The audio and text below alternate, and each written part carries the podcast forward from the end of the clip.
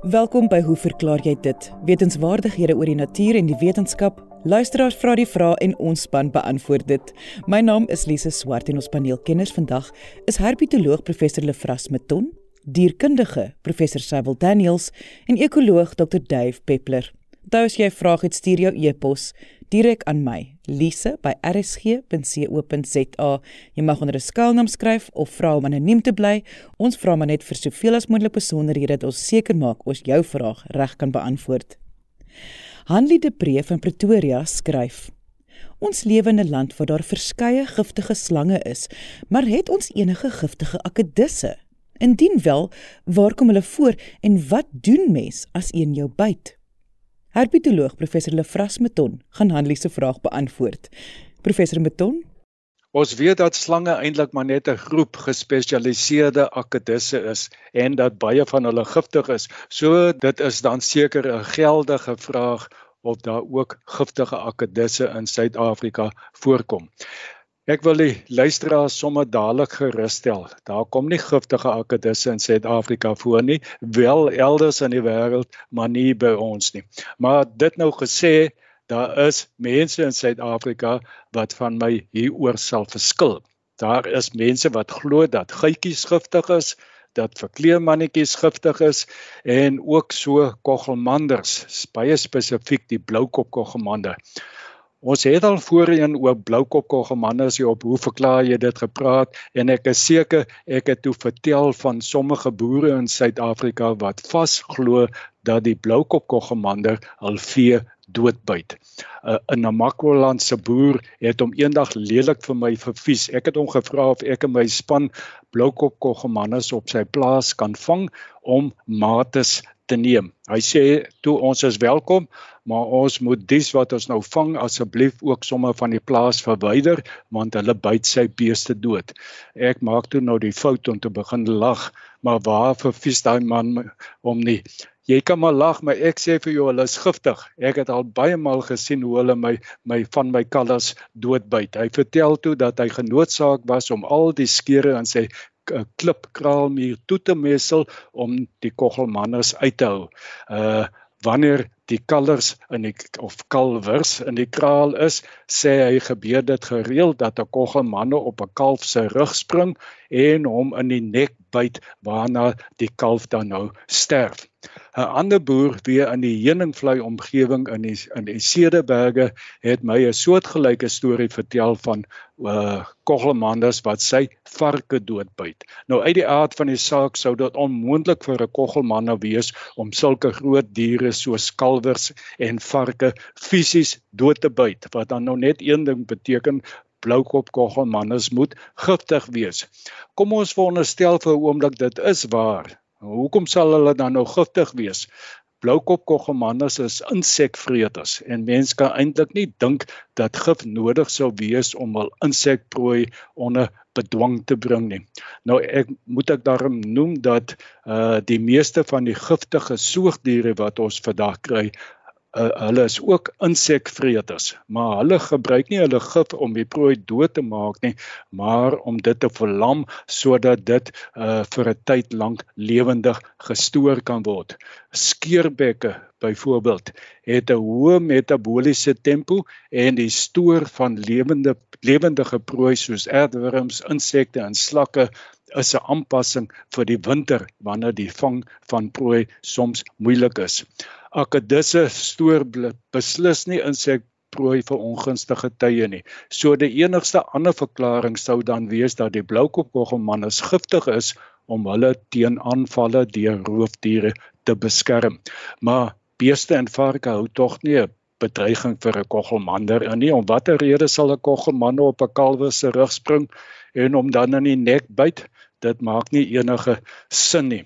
Koggelmanders, soos die meeste ander akedisse, se eerste reaksie tydens gevaar is om met spoed die veiligheid van 'n klipskeer op te soek. Dis eers wanneer die akedis gevang word en dat dit as 'n laaste poging om die aanvalle af te skrik sal byt.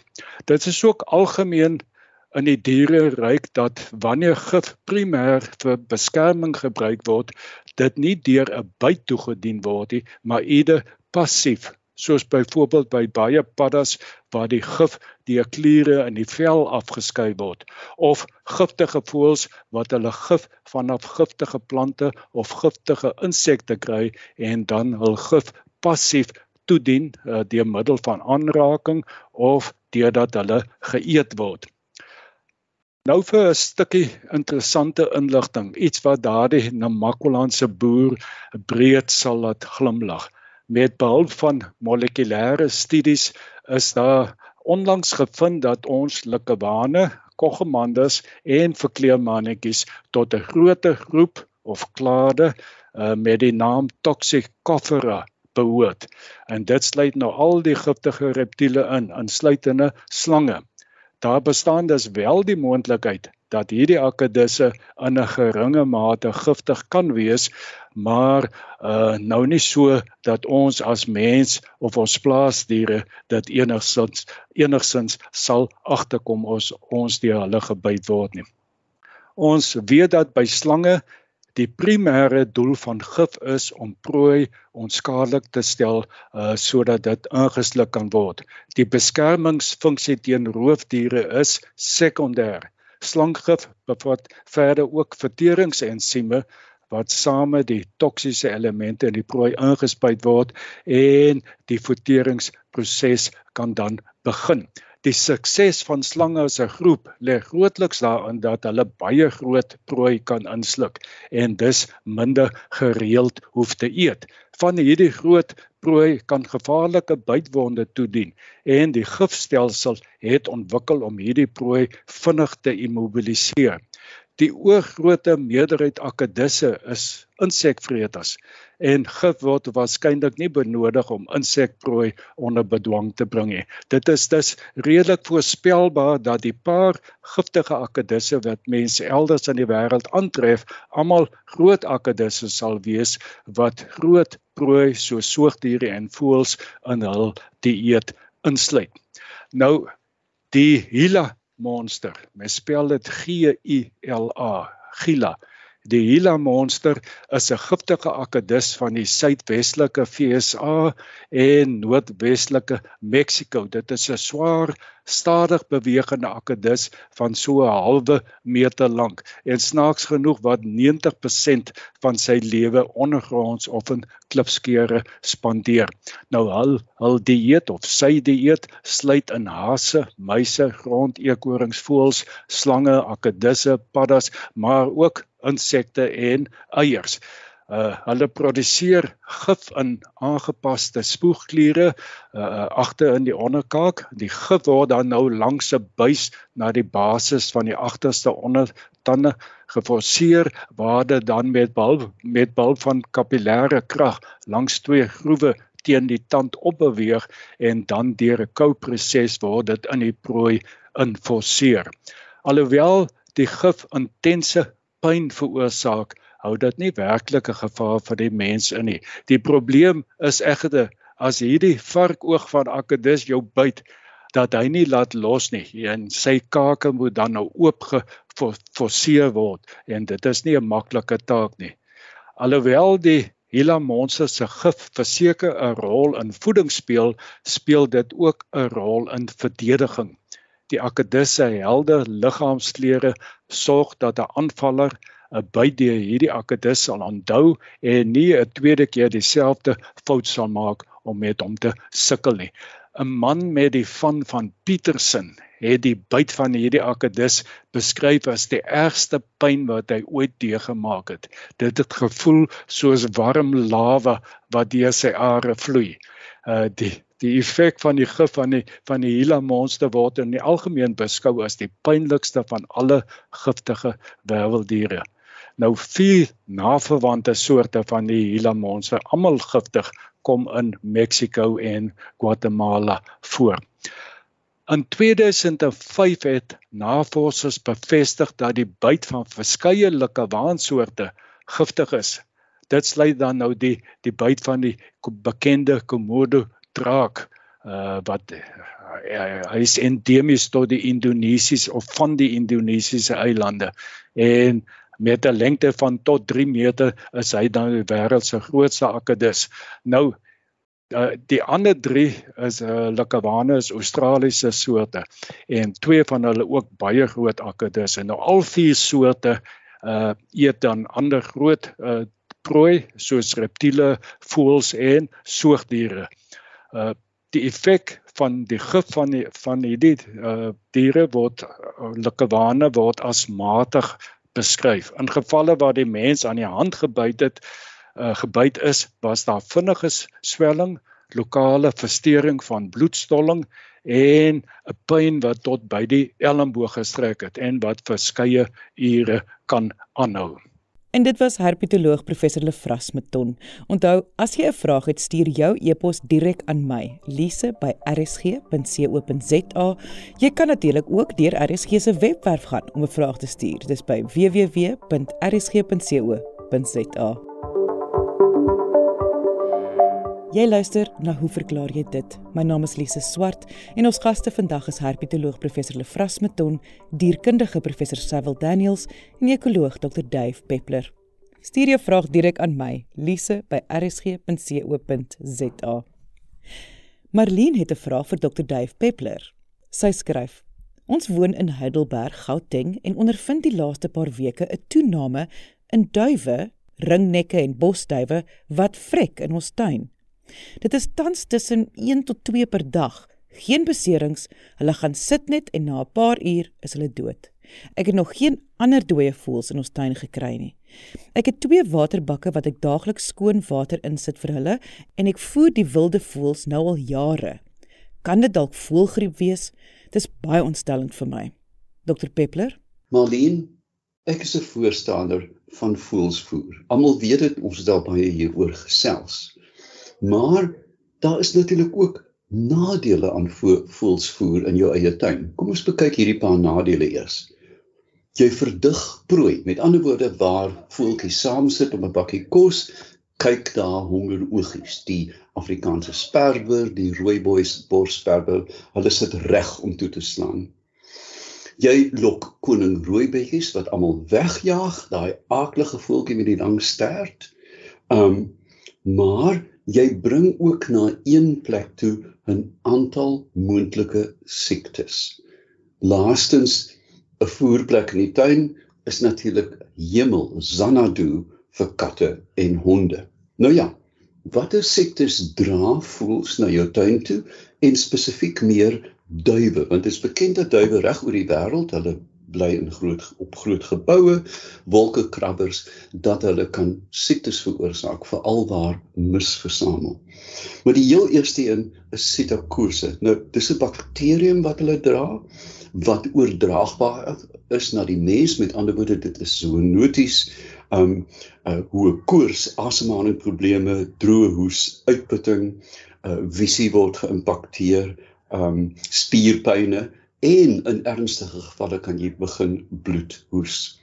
Dan is daar histoplasmose, um, ook bekend nog 'n fungus hierdie keer, weer droë hoes, uitputting, uh, skeelhoofpyn, um spierpynne en koors. Laastens is daar natuurlik dan Cryptococcus, ook bekend, uh, bekende fungus, weer toebors koors dis almal speel in op respiratoriese siektes want jy haal hierdie uh, met normale asemhaling kom hierdie organismes in jou longe. Nou ja nou vra mense natuurlik af uh, na die beskrywing van die luisteraar het hierdie duwe wat gevrek het voelgriep? Wel wat is voelgriep? Dis 'n influenza A virus. Um die eerste keer in hier in 18 80 78 80 beskryf die eerste keer maar daar is nou 'n dramatiese toename van voelvarkgriep. Um met ander woorde um met ander woorde huisdiere of of plaasdiere wat dan so noties een van hulle siektes na die mens kan oordra. Hoekom gebeur dit? Sedert die 1990s was daar beide in varke en hoenders en eende byna 'n 80% toename in die bevolkings van hierdie diere. Um en veral in die ooste en ons weet nou presies wat in Wuhan gebeur het, is dat mense uh, leef baie nou saam met hulle diere. Hoenderhokke en varkkoeke is onder die huis, die dampe styg op En hierdie is natuurlik hemel vir enige zoonotiese um siekte om te kan spring. Maar ons weet ook dat um voelgriep hoofsaaklik deur waadvoëls um en eende um aangedra word. Met ander woorde waar daar groot uh, uh versamelings van voëls om water is, kan jy byna verseker indien daar um van hierdie griep in die lug is dat dit daar sal uitslaan. Nou ja, ek het 'n bietjie nagelees en dit is uh, baie duidelik dat alhoewel duwe hierdie um zoonose kan dra, hulle kan hierdie um virus dra, dit hulle nie noodwendig affekteer nie, hulle is bloeddraers waar die waadvoëls en die eende natuurlik vrek. Die vraag is dan, wat maak keer hierdie duwe? Nou ja, kom ons stap effens terug. In die jaar 1240 het die keiser uh Friede Frederik die tweede van Hohenstaufen, um hy was Duits maar hy het in Italië regeer, 'n wonderbaarlike boek geskryf de arte venandum cum avibus die kuns om met voëls te jag. Met ander woorde hy het nou gepraat van swerfvalke um, en edelvalke hoofsaaklik.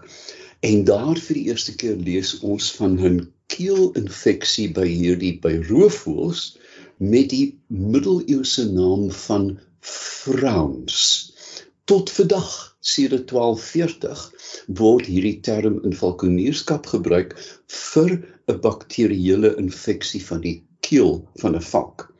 Uh daar's verskillende ander terme, byvoorbeeld 'n kopverkoue by by 'n valk staan bekend as snurt, S N U R T.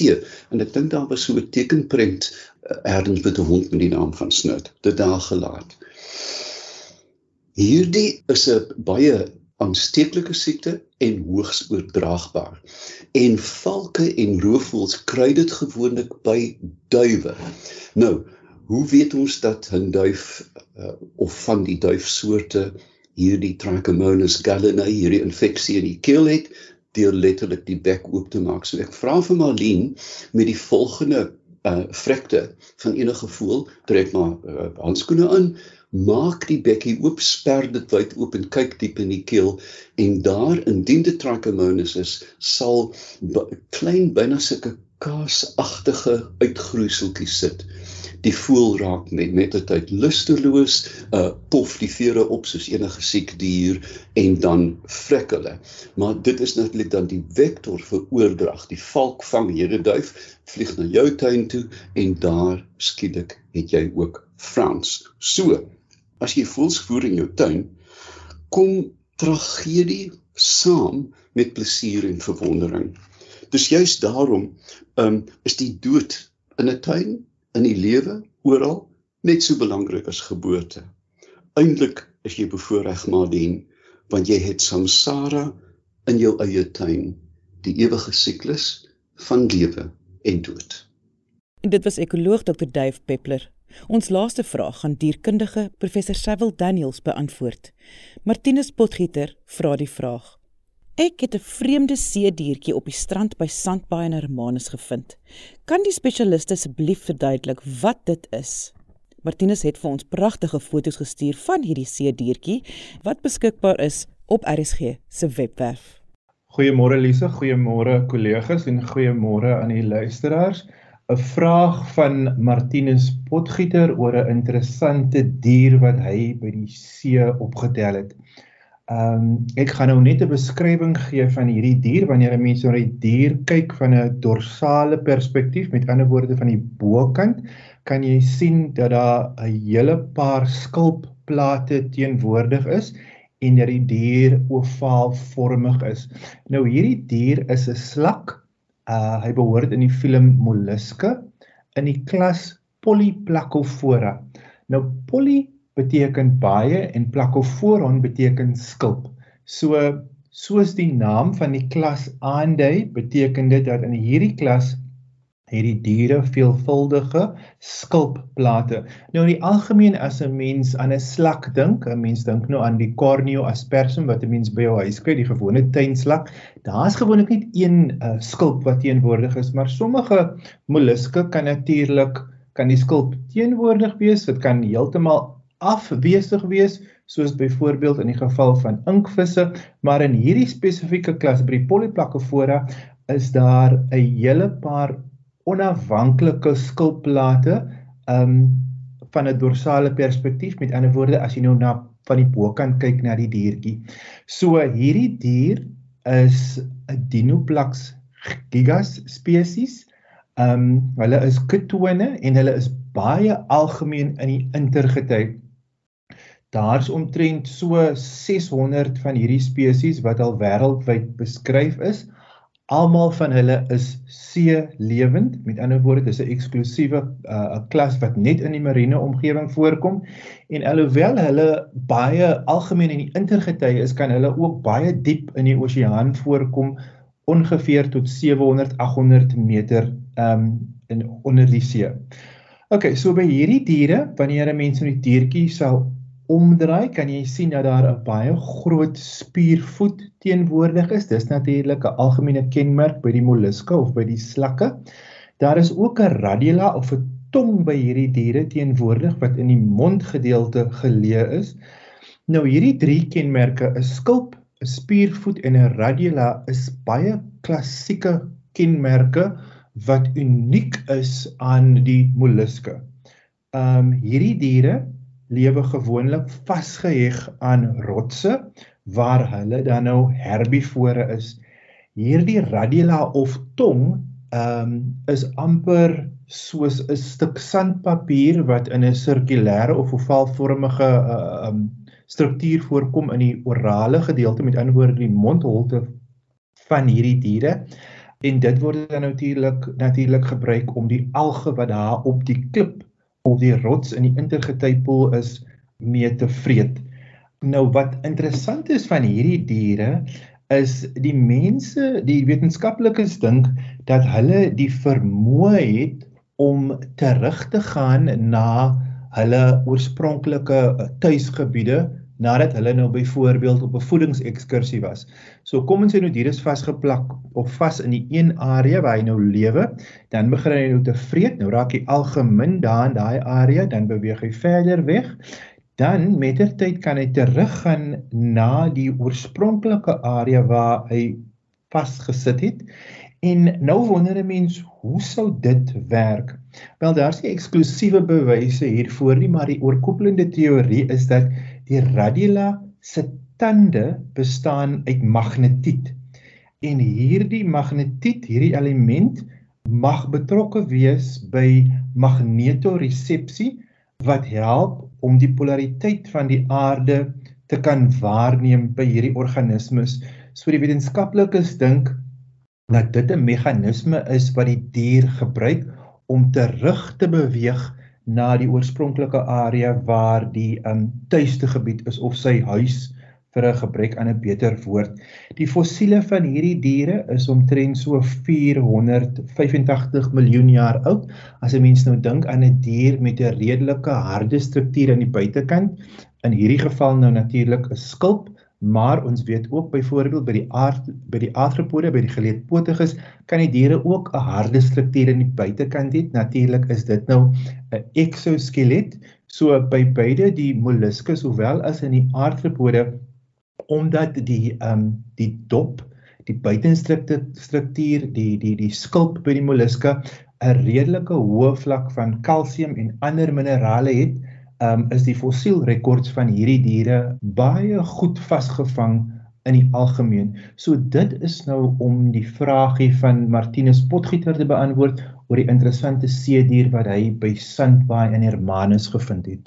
En dit was die stem van dierkundige professor Cecil Daniels. Onthou stuur jou vraag direk aan my, Lise by rsg.co.za. Jy mag onder 'n skuilnaam skryf of vra om anoniem te bly. Ek sê baie dankie aan ons kenners en vraagstellers vandag. Onthou om altyd nuuskierig te bly en vra te vra. Tot volgende week hier op RSG saam met my, Lise Swart. Totsiens. thank you